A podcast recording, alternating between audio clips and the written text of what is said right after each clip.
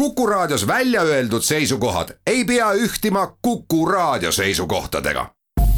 Te kuulate Kuku Raadiot.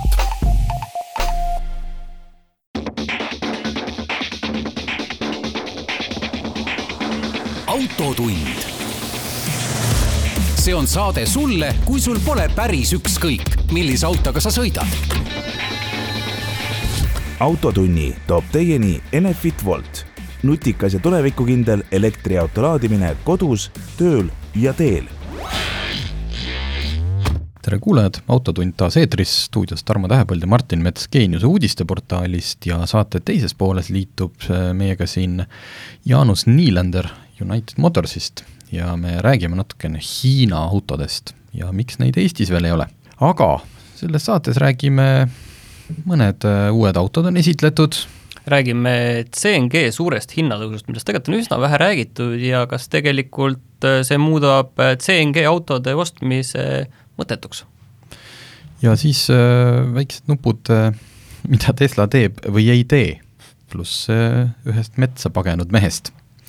nii, aga meie tavaline nädalarubriik, tavaliselt äh, läheb selles nädalarubriigis vingumiseks, teen ka ei tee ka seekord erandit, ühesõnaga katsetasin taas kord elektriautot, mis lubas mul sõita kolmsada kilomeetrit aku oli täituvus kaheksakümmend viis kilomeetrit, mõtlesin, et nii, mul on üks kahesaja kilomeetrine ots päriselt vaja teha.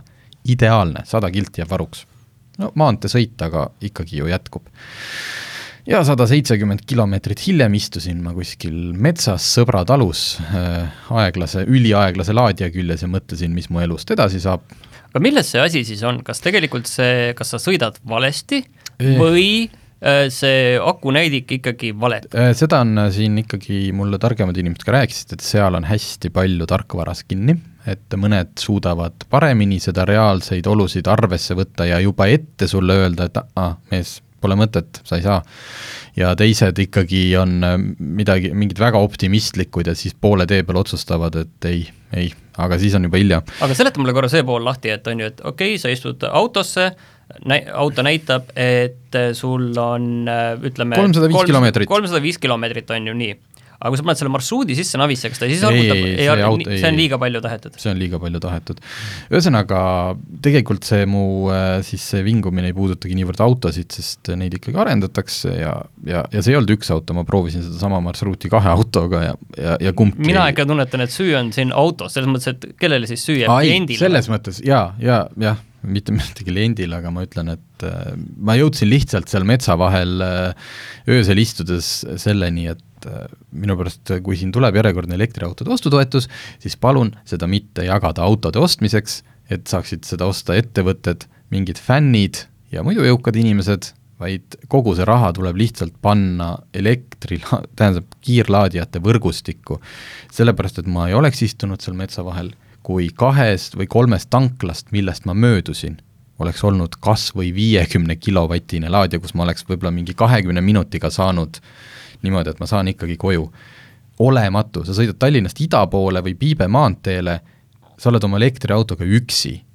paar üksikut Elmo seda vana kappi on, kus sa siis Type kaks kaabli, ühesõnaga ei julge mina mitte kellelegi elektriautot praegu soovitada, kes vähegi suurlinnadest tahab oma seiklustega välja sattuda ja ma olen seda siin varem rääkinud ja ilmselt räägin ma paari kuu pärast jälle, kui ma jälle olen üritanud mingi elektriautoga kuskile maale sõita, et siis äh, palju õnne meile. aga selles mõttes äh, mina ikkagi äh, julgustaksin ka ettevõtteid tegelikult ju neid äh, laadijaid üles panema, sest tegelikult äh, ütleme, et see tavaline tankla kontseptsioon, mis meil siin on, et sul on seal pirukakohvik ja, ja siis saad tankida, aga tegelikult sa tangid ära ju äh, sisepõlemismootoriga auto kahe minuti jooksul ja on tehtud, siis tegelikult elektriauto puhul on see, et sul see pirukakohvik seal kõrval on ja sa kirjutad sellele pirukale väikse premium hinna ka juurde, sest mida see inimene ikka teeb, kui tal on viisteist minutit, kolmkümmend minutit või tund aega. ma olen juba nende üksikute katsete raames oma raha sinna tikupoisi suurde restorani jätnud lihtsalt sellepärast, et jube mõnus on ju, võtad no, prae,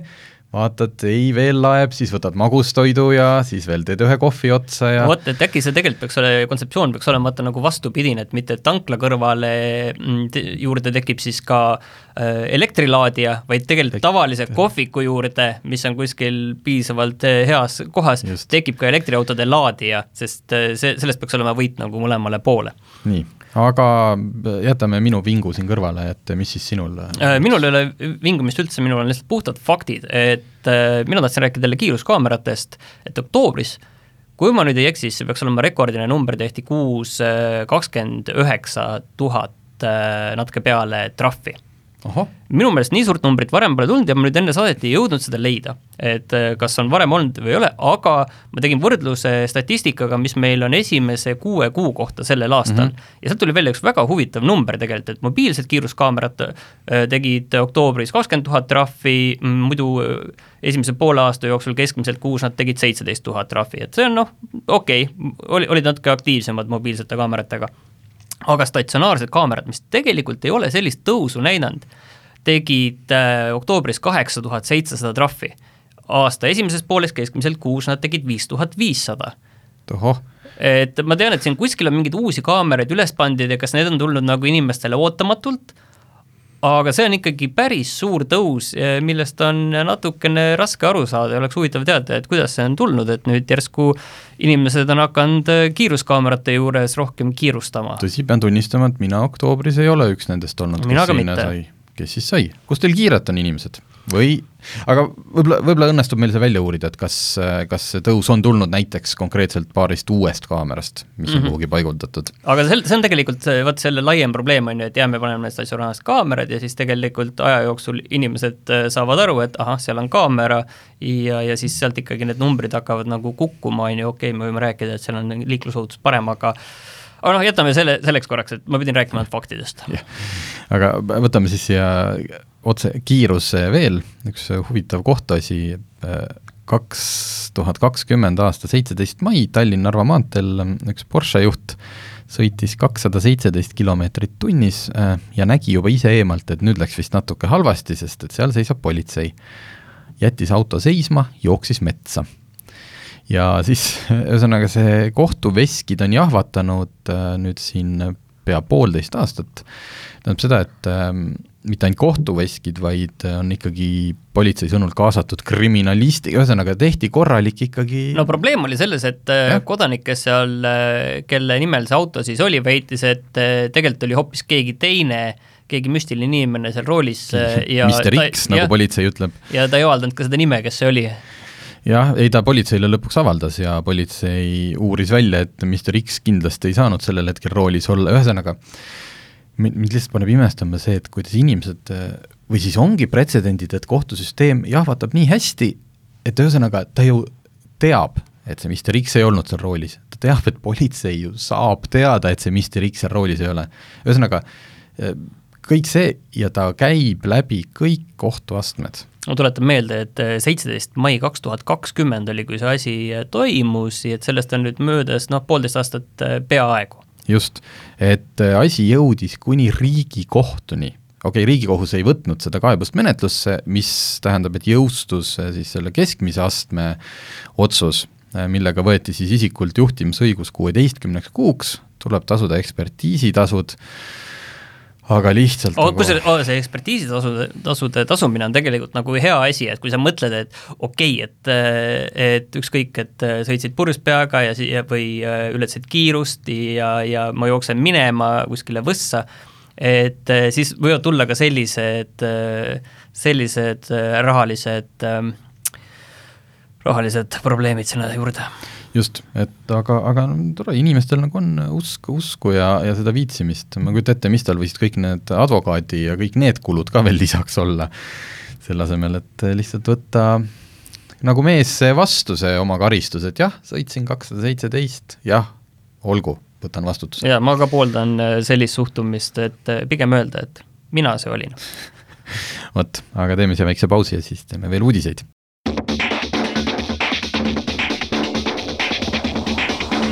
Autotund. see on saade sulle, kui sul pole päris ükskõik, millise autoga sa sõidad autotund tagasi, stuudios Tarmo Tähepõld, Martin Mets Geenius uudisteportaalist. mõned autouudised, üks näiteks on, et Volkswagen avalikustas nüüd oma ID.5 elektrimaasturi, kui siin kõik kergitud kulmu, hoo jälle uus auto, tegelikult ei ole. et see on see trend, et võtame tavalise, võtame linnamaasturi ehk siis ID4, lööme talt tagant katuse lamedamaks ja see ongi kupee linnamaastur natuke erisust on, et seda saab ainult selle suurema akupakiga ja valikusse tuleb ka kiire GTX versioon. ja mis... ilmselt ka siis kõrgem hind. Ja kõrgem hind, aga seda veel Eesti hinnakirja ma ei leidnud. aga igatahes nüüd saab siis paljude jaoks palju stiilsemat ja cool imat, no selles mõttes ta ei näinud tõesti piltidel halb välja, ta nägi tegelikult päris ilus oli. ja, ja nii, et kujutad juba ette, et kui me tuleme saate alguse juurde tagasi, et kui ilus sellega on metsa vahel istuda. jah, saad nautida. just, ja samamoodi avaldas Toyota nüüd ametlikult oma esimese elektriauto, äh, mis tuleb müügile järgmisel aastal, ma ütlen sulle kohe, ma ei leia seda kohe üles, aga ühesõnaga seda, et Toyota teeb elektriauto, seda me teadsime, siis oli selle auto nii-öelda prototüübi nimi, jätke meelde või kirjutage üles, väike B, suur Z, siis neli ja suur X, Bzneliks, me tegime selle üle siin saates aga on nüüd selle päris nimi olemas või? jaa, see päris nimi on tal jätkuvalt Bzneliks. Tegelikult ka või? no sel-, selle nimega ta praegult on avalikustatud, jääb veel loota, et kui ta müügisaalidesse jõuab, siis leitakse sellele mingi ilusam nimi, aga okei okay,, aga selles mõttes, et Toyota on ju äh, siiamaani raiunud seda asja, et nemad teevad hübriide ja see on nagu äh,, nagu nende leib ja ma saan aru, et võib-olla nüüd selline sotsiaalne surve on, on olnud, et okei okay,, me peame ka tegema elektriauto ja siis mõtlesin, et teeme sellise, mida keegi üldse ei mäleta, et see olemas on, ega ei, saa aru, et see, see ei ole nimi, mis meelde jääb. Nad teevad seda koostöös Subaruga sõiduulatus äh, tuleb tal kuni miks ma nüüd kunagi ei leia neid õigeid asju üles, nelisada kakskümmend oli no,. ei olnud, nelisada, üle, ei, üle neljasaja viiekümne kilomeetri. see on lihtsalt number, jätke meelde, see on lihtsalt number lihtsalt number. et äh, eelmüük algab järgmise aasta esimeses pooles, autod peaks jõudma aasta teises pooles või isegi lõpus, aga siin on, ma ei teagi, kas see on nüüd turundusnõks või on see lihtsalt selline noh, disainimäng, aga äh, on öeldud, et ähm, see roolisüsteem võimaldab äh, tulevikus kasutada ka sellist, ähm, Tesla siin hiljuti näitas, et sul autol on nagu see lennuki roolikujuline valits, ehk et äh, kohe nad kindlasti seda sellele Bznelixile ei paku, aga tehnoloogia võimaldab ja nad on isegi pilt, noh, täiesti pilt on sellest olemas, et ilmselt tõmmata siis inimeste tähelepanu. keegi ei ole täpselt siiani aru saanud, õigemini mina, siis äh, miks need äh, lennukirool asjad, lisaks sellele, et nad cool'id välja näevad, head on. lihtsalt sellepärast, et erineda, et muidu on kõik ja. ühesugused. vot, aga ühesõnaga, tuleb äh, linnamaastur muidugi äh,, näeb päris äge välja äh,, kõik on, kõik on vähemalt piltidel ja andmete järgi väga hästi. nii, aga, aga räägime nüüd äh, siis äh, CNG autodest, et siin äh, kui kogu aeg on tehtud neid võrdlusi, et milline kütuseliik siis on ikkagi kõige odavam, et sinna võetakse siis sisse mm, kütuse hind äh, ja auto soetusväärtus, siis CNG autod on alati olnud äh, seal edetabeli tipus, äh, heas mõttes tipus, kui kõige soodsam valik mm. -hmm. CNG tanklaid meil ei ole väga palju, aga ikkagi üksjagu ikkagi on, nii et saab sõita ilmselt paremini kui elektriautoga. aga, ja nende hind, autode hind on olnud natukene kõrgem kui sisepõlemismootoriga autode, või noh, see on ka sisepõlemismootor, aga, aga bensiini või diisliga. ei, selles mõttes see, see, see hinnavahe tegelikult siin viimati, mis ta lugu tegin, hämmastusin, ma arvasin, et see oli suurem. aga praegult oli on... Äh, umbes viissada, viissada, kuussada eurot oli see, mõnel isegi natukene vähem, oli võrdsete sisepõlemis, jah, et see gaasiauto on natuke nõrgema mootoriga kilovattide mõttes, aga kui sa lähed soodsamat autot, noh, siis sul ilmselgelt ei ja olegi võimsus sul CNG-s ostad ikkagi nagu põhjusega, sellepärast ja. et sa ei taha selle lõbu eest eh, liiga palju maksta. parimatel päevadel oli CNG auto kilomeetri hind, jätame siis auto soetuse ja kõik need kindlustused kõrvale, puhtalt kilomeetri hind kütusekulu mõttes, ei saja kilomeetri hind oli umbes kolm eurot.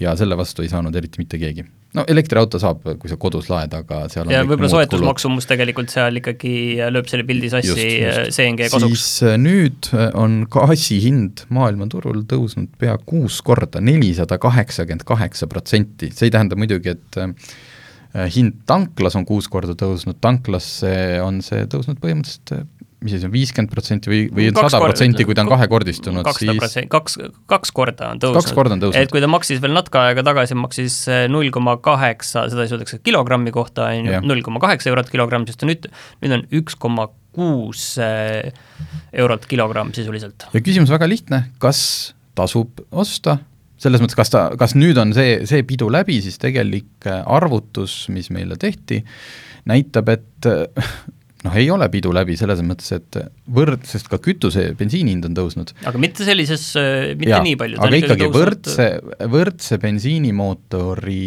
rahaline kulu saja kilomeetri kohta on umbes kaheksa koma kolm eurot siis CNG mootoriga autol on see viis koma seitsekümmend neli, nii et see, sisuliselt se selles ikkagi see valemis ei ole nüüd sees, on ju soetusmaksumust, aga nagu me rääkisime, see soetusmaksumuse vahe on väga minimaalne. minimaalne.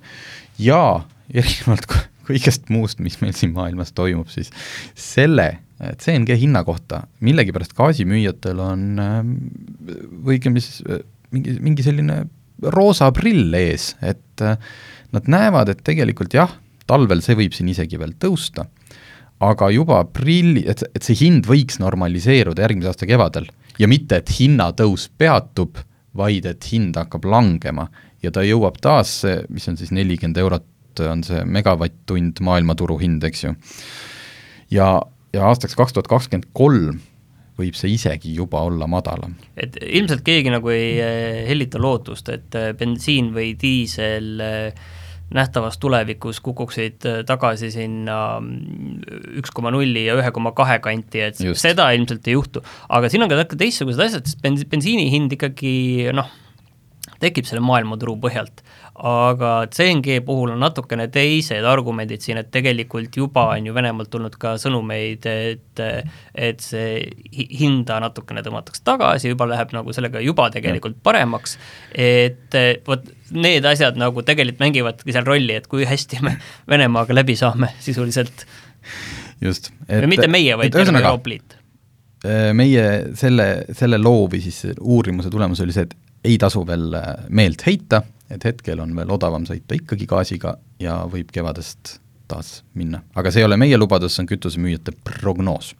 aga selles mõttes vahe enam lihtsalt kokkuvõttes ei ole ka nii suur teistpidi aga siis eh, siia lõppu veel üks huvitav, taaskord pole ammu Teslast rääkinud, et eh, kõige maailma minu arust parim sport, mida jälgida, on Tesla aktsia ja kuidas, kuidas sellist noh, ühesõnaga, kuidas niimoodi saab, et Hertz maailma üks suurimaid autorendifirmasid, ütleb, et nemad ostavad nüüd kahe tuhande kahekümne teise aasta lõpuks Teslalt sada tuhat autot, mille peale Tesla aktsia teeb piu jälle korraliku tõusu ja mille peale Elon Musk tweetib, noh, et aitäh, inimesed, jube kihvt, aga me ei ole tegelikult mingit lepingut veel alla kirjutanud ei, võib-olla isegi müüme, et siin noh, ja neid, Hertzile neid autosid, aga kindlasti mitte odavamalt, vaid ikkagi turuhinnaga, sest et noh, meil on nõudlust nii palju. kas siis, kuidas seal maailmas, minu arust ei tohi ju niimoodi mingeid selliseid börsifirmadel mingeid avaldusi teha, mis ei ole kindlad. see on, mulle tundub niimoodi, et Hertzi mehed ostsid ise natuke eks-, Tesla aktsiad kokku ja siis tegid mingi uudise varakult. et äh, ma ei teagi, see tundub nagu nii naljakas, kuidas ükskõik mis avalduse keegi Teslaga seoses teeb, siis äh, kuidas see börsil nagu aga see, see on see Tesla häda, et nad on üldse sellest Twitterist ja kõigest nii sõltuvad, et äh, et mul on tunne, et see Twitter kontrollib seal nagu seda olukorda kokkuvõttes. aga märgiliselt muidugi tõesti, kui selline tehing ongi töös, et sada tuhat elektriautot läheb äh, rendifirmale, siis noh, kujutan ette, et peamiselt siis Ameerikas, siis see on juba, see on, see on suur number. see ei ole enam, see ei ole nagu PR-stant, et noh, teeme siin, äh, näitame, et me oleme roheline, vaid see on päriselt suur asi. aga teeme siia pausi ja siis äh, proovime natukene aru saada Hiina autotööstusest.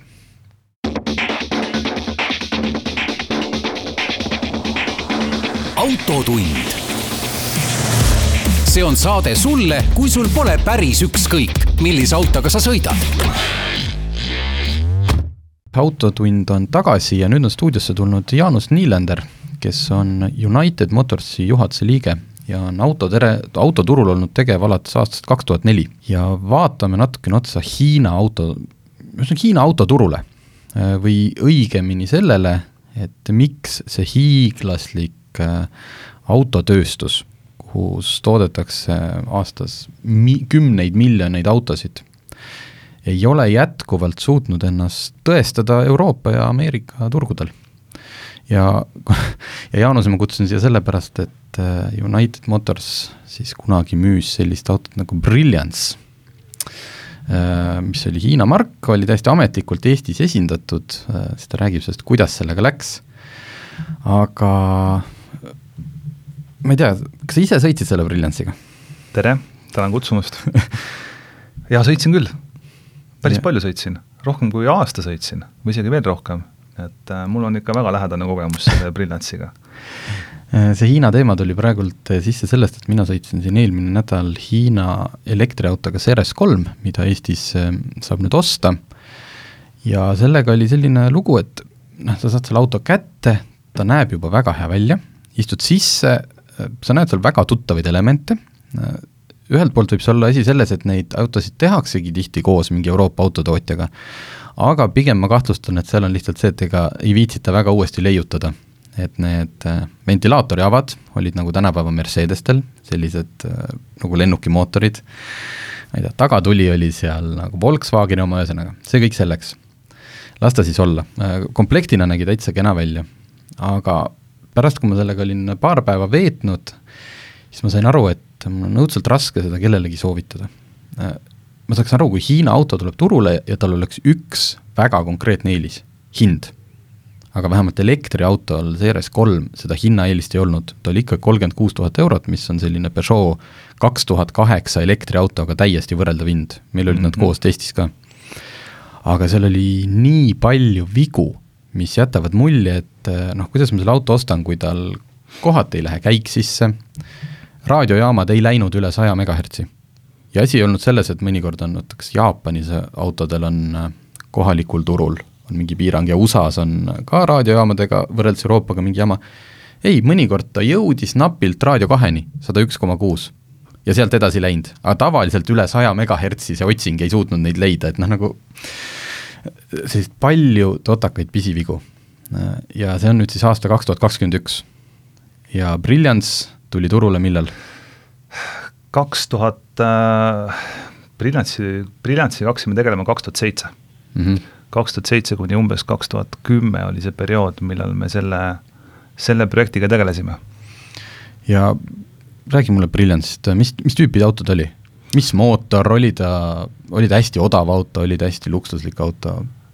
Brilliance oli, tol hetkel Brilliance äh, oli põhiliselt sedaanid, olid äh, tootmises oli, ütleme, mida Euroopasse lubati, oli kolm mudelit, ühega nad tulid, esimene mudel oli kohe Brilliance BS6, mida, kui siin kuulajad mäletavad, kindlasti tuleb tuttav ette, oli niisugune suurem sedaan, paljud on ikkagi näinud seda, paljud on sõitnud selle autoga, ja torus oli ka veel BS4, mis oli niisugune väiksem sedaan natukene, ja ka BC3, mis oli kolmeoksaline kupe, mis nägi väga niisugune kena välja, et, et, et selline plaan oli ja sellel asjal täitsa paigas ja olemas, et mis tulla, et nagu see lugu võib-olla, miks tullakse sedaaniga, võib-olla on niisugune Hiina, Hiina selle rahvavabariigi eripära selle, selle ajaloos, kus, kus äh, Hiinas minnaksegi turule minu meelest pigem niisuguse suure juhi autoga, seal on see auto kui staatuse sümbol, niisugune mm -hmm. suur must, et isegi korra Hiinas käinud, siis siis äh, olid need suured, suured limusiinid, mustad või valged ja need siis tähtsad inimesed istusid tagaistme peal, eks see on niisugune, kuskilt sealt on ta tulnud, see on sellepärast nagu esimene toode, millega nad Euroopast tulid, aga minu meelest Euroopast tuleks tulla,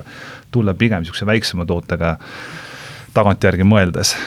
mis see asi ta oli siis, oli ta siis äh, iseenesest originaaltoode, me teame väga hästi, et Hiina autod võivad olla teinekord äh, äh, päris täpsed äh, ja sarnased muudele brändidele mm -hmm. Euroopas, maailmas.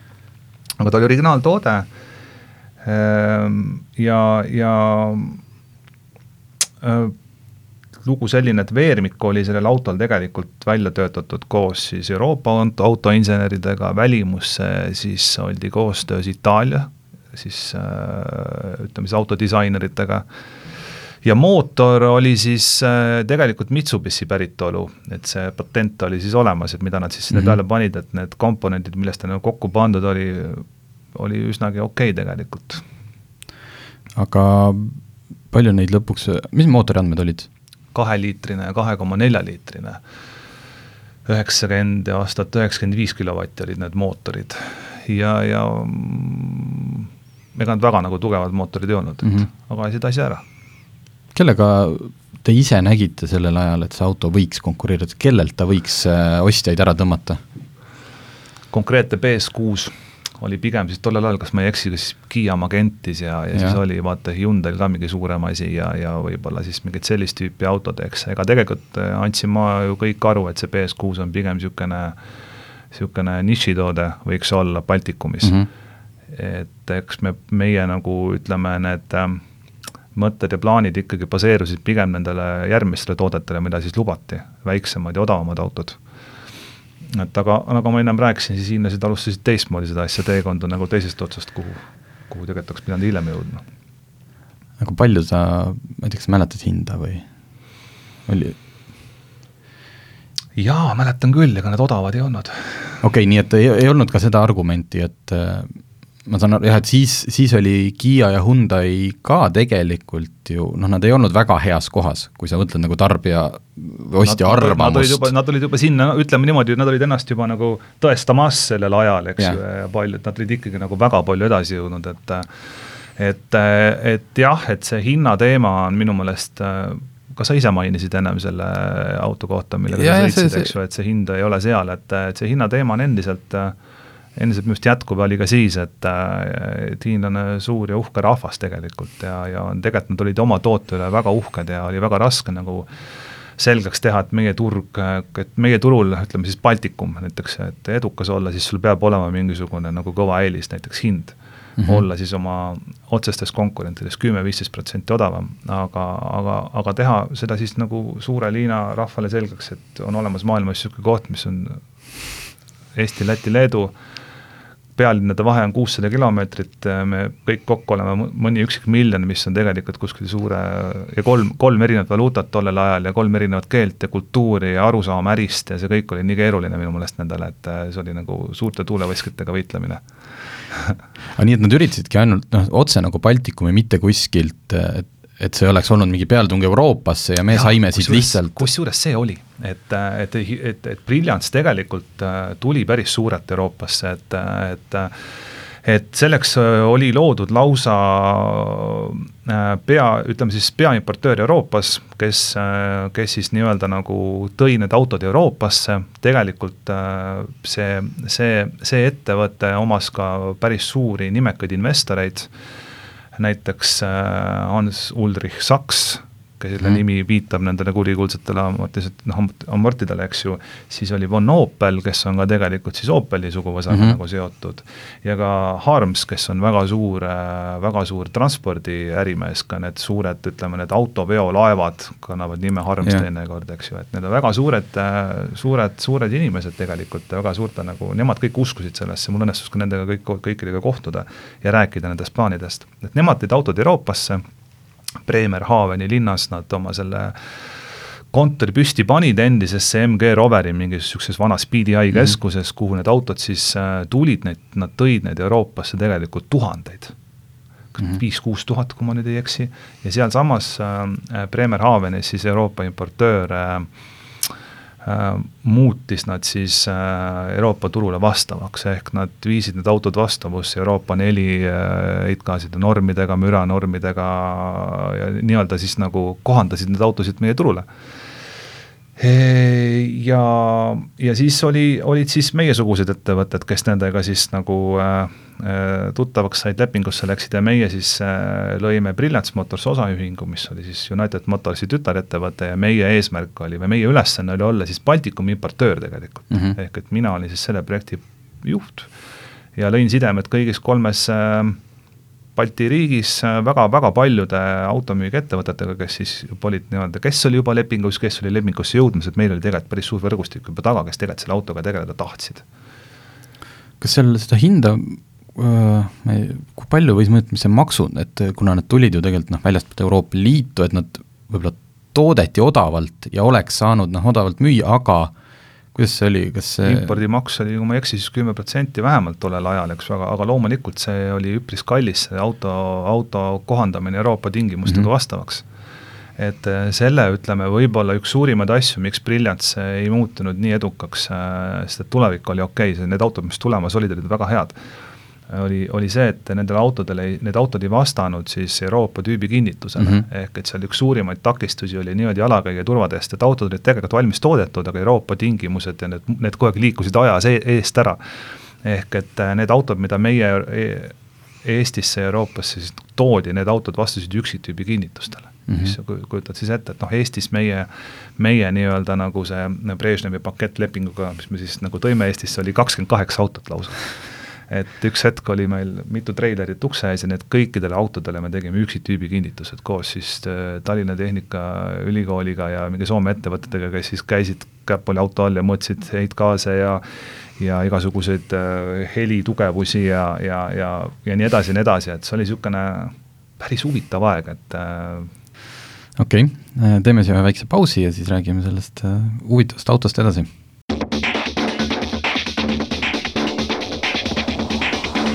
Autotund. see on saade sulle, kui sul pole päris ükskõik, millise autoga sa sõidad.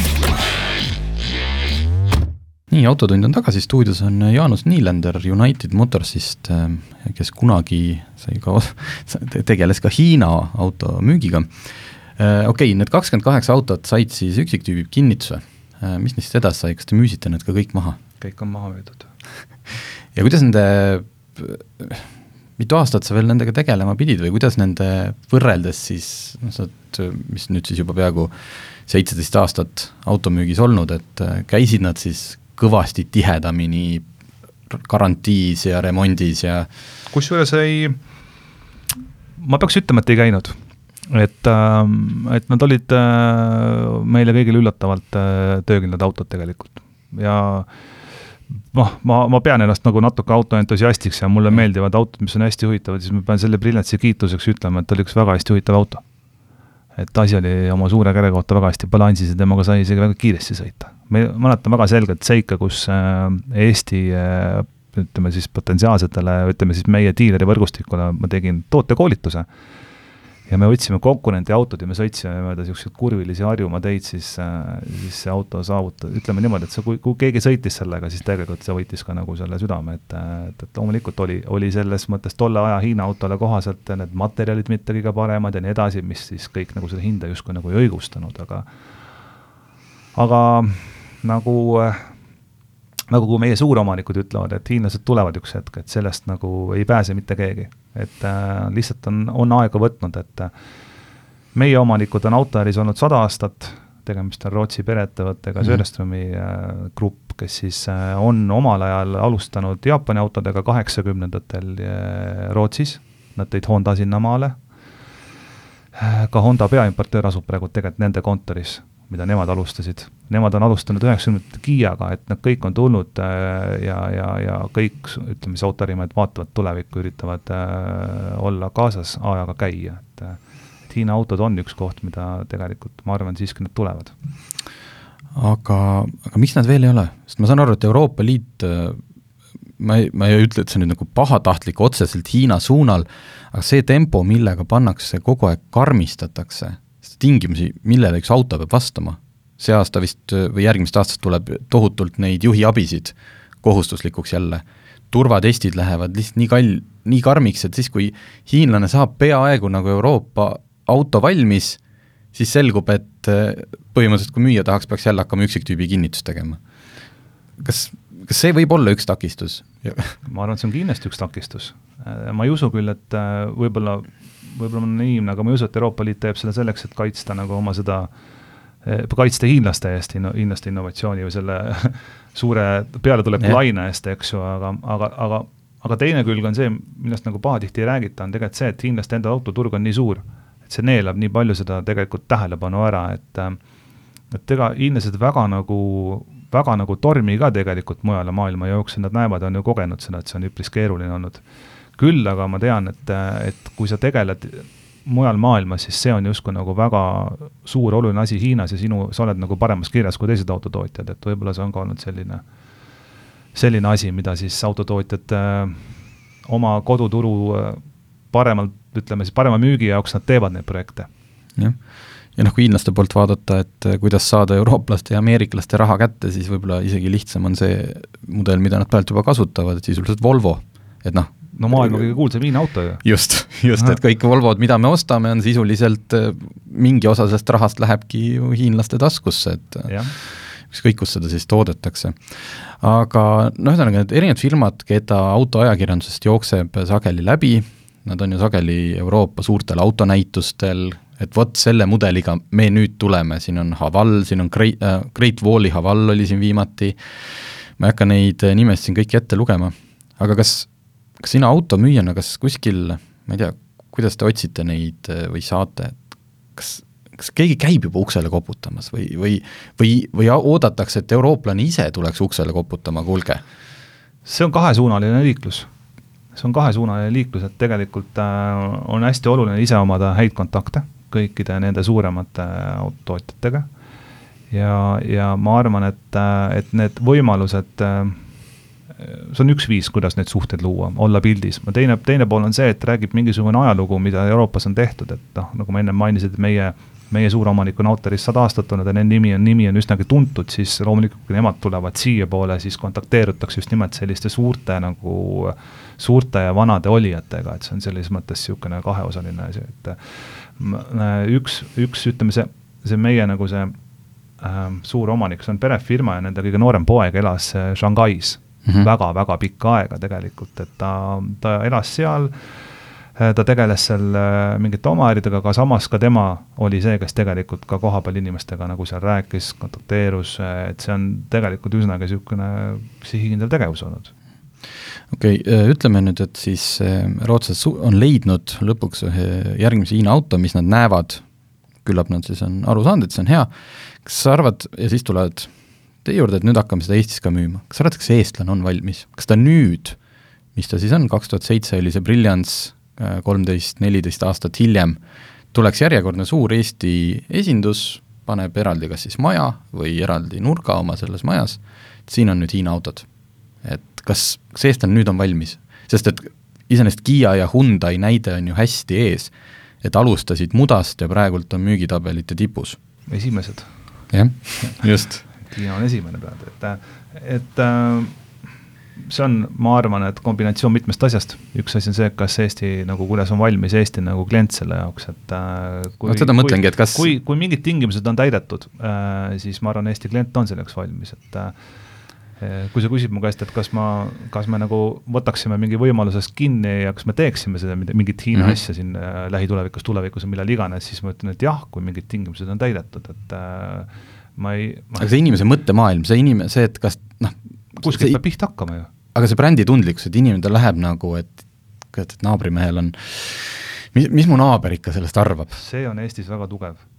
jaa, naabrimehe faktor on ülikõva Eestis et ikkagi on ahah, et sa võid küll rääkida, et see on sama ja mootor tuleb, äh, ma ei tea, mootori pani Mercedes ja, ja kere tuleb üldse Saksamaa disainerid, aga oma töös ma näen seda, et, et see auto võib meeldida, aga kui naabrimees ikka nagu päris heakskiitvat pilku ei anna, siis siis võib asi nagu pooleli jääda ja ikka sa liigud selle halli massi suunas, et äh, mitte eristuda. Äh, ma arvan, et see on Eestis üsna tugev, aga, aga kuskilt peab pihta hakkama ja, ja aga et asi edukas oleks, siis peabki nagu sinna kõvasti investeerima, see on ju, ma arvan, et siilile ka selge, et kui sa mingit Hiina asja hakkad Eestis tegema, siis sinna peab nagu sisse panema päris palju, et ka seda brändi imidžit ja imagot tõstma hakata ja kogu see taust peab tugev olema seal nojah, sest et sisuliselt, okei okay,, Volvost rääkisime, aga suur osa nagu auto nendest komponentidest ikkagi tuleb sealtsamast riigist. täpselt täpselt, ega tegelikult ju kõik need autod, mida me täna endale ostame, ega see suuresti ongi sealt Hiina toodang sees, et see globaliseerumine tegelikult on meeletu, et ühtepidi, teistpidi.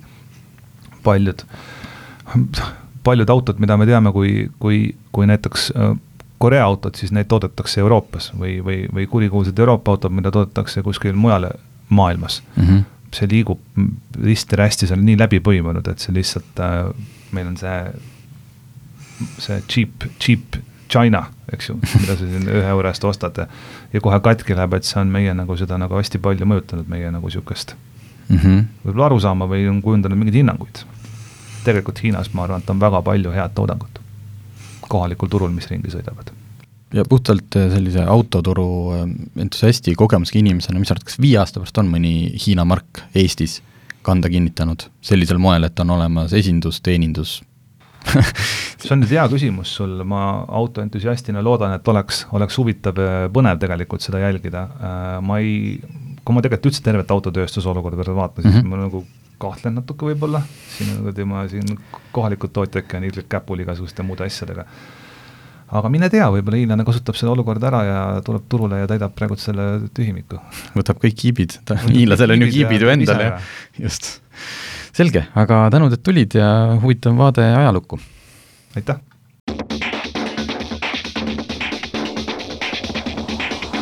autotund. see on saade sulle, kui sul pole päris ükskõik, millise autoga sa sõidad. autotunni toob teieni Enefit Volt, nutikas ja tulevikukindel elektriauto laadimine kodus, tööl ja teel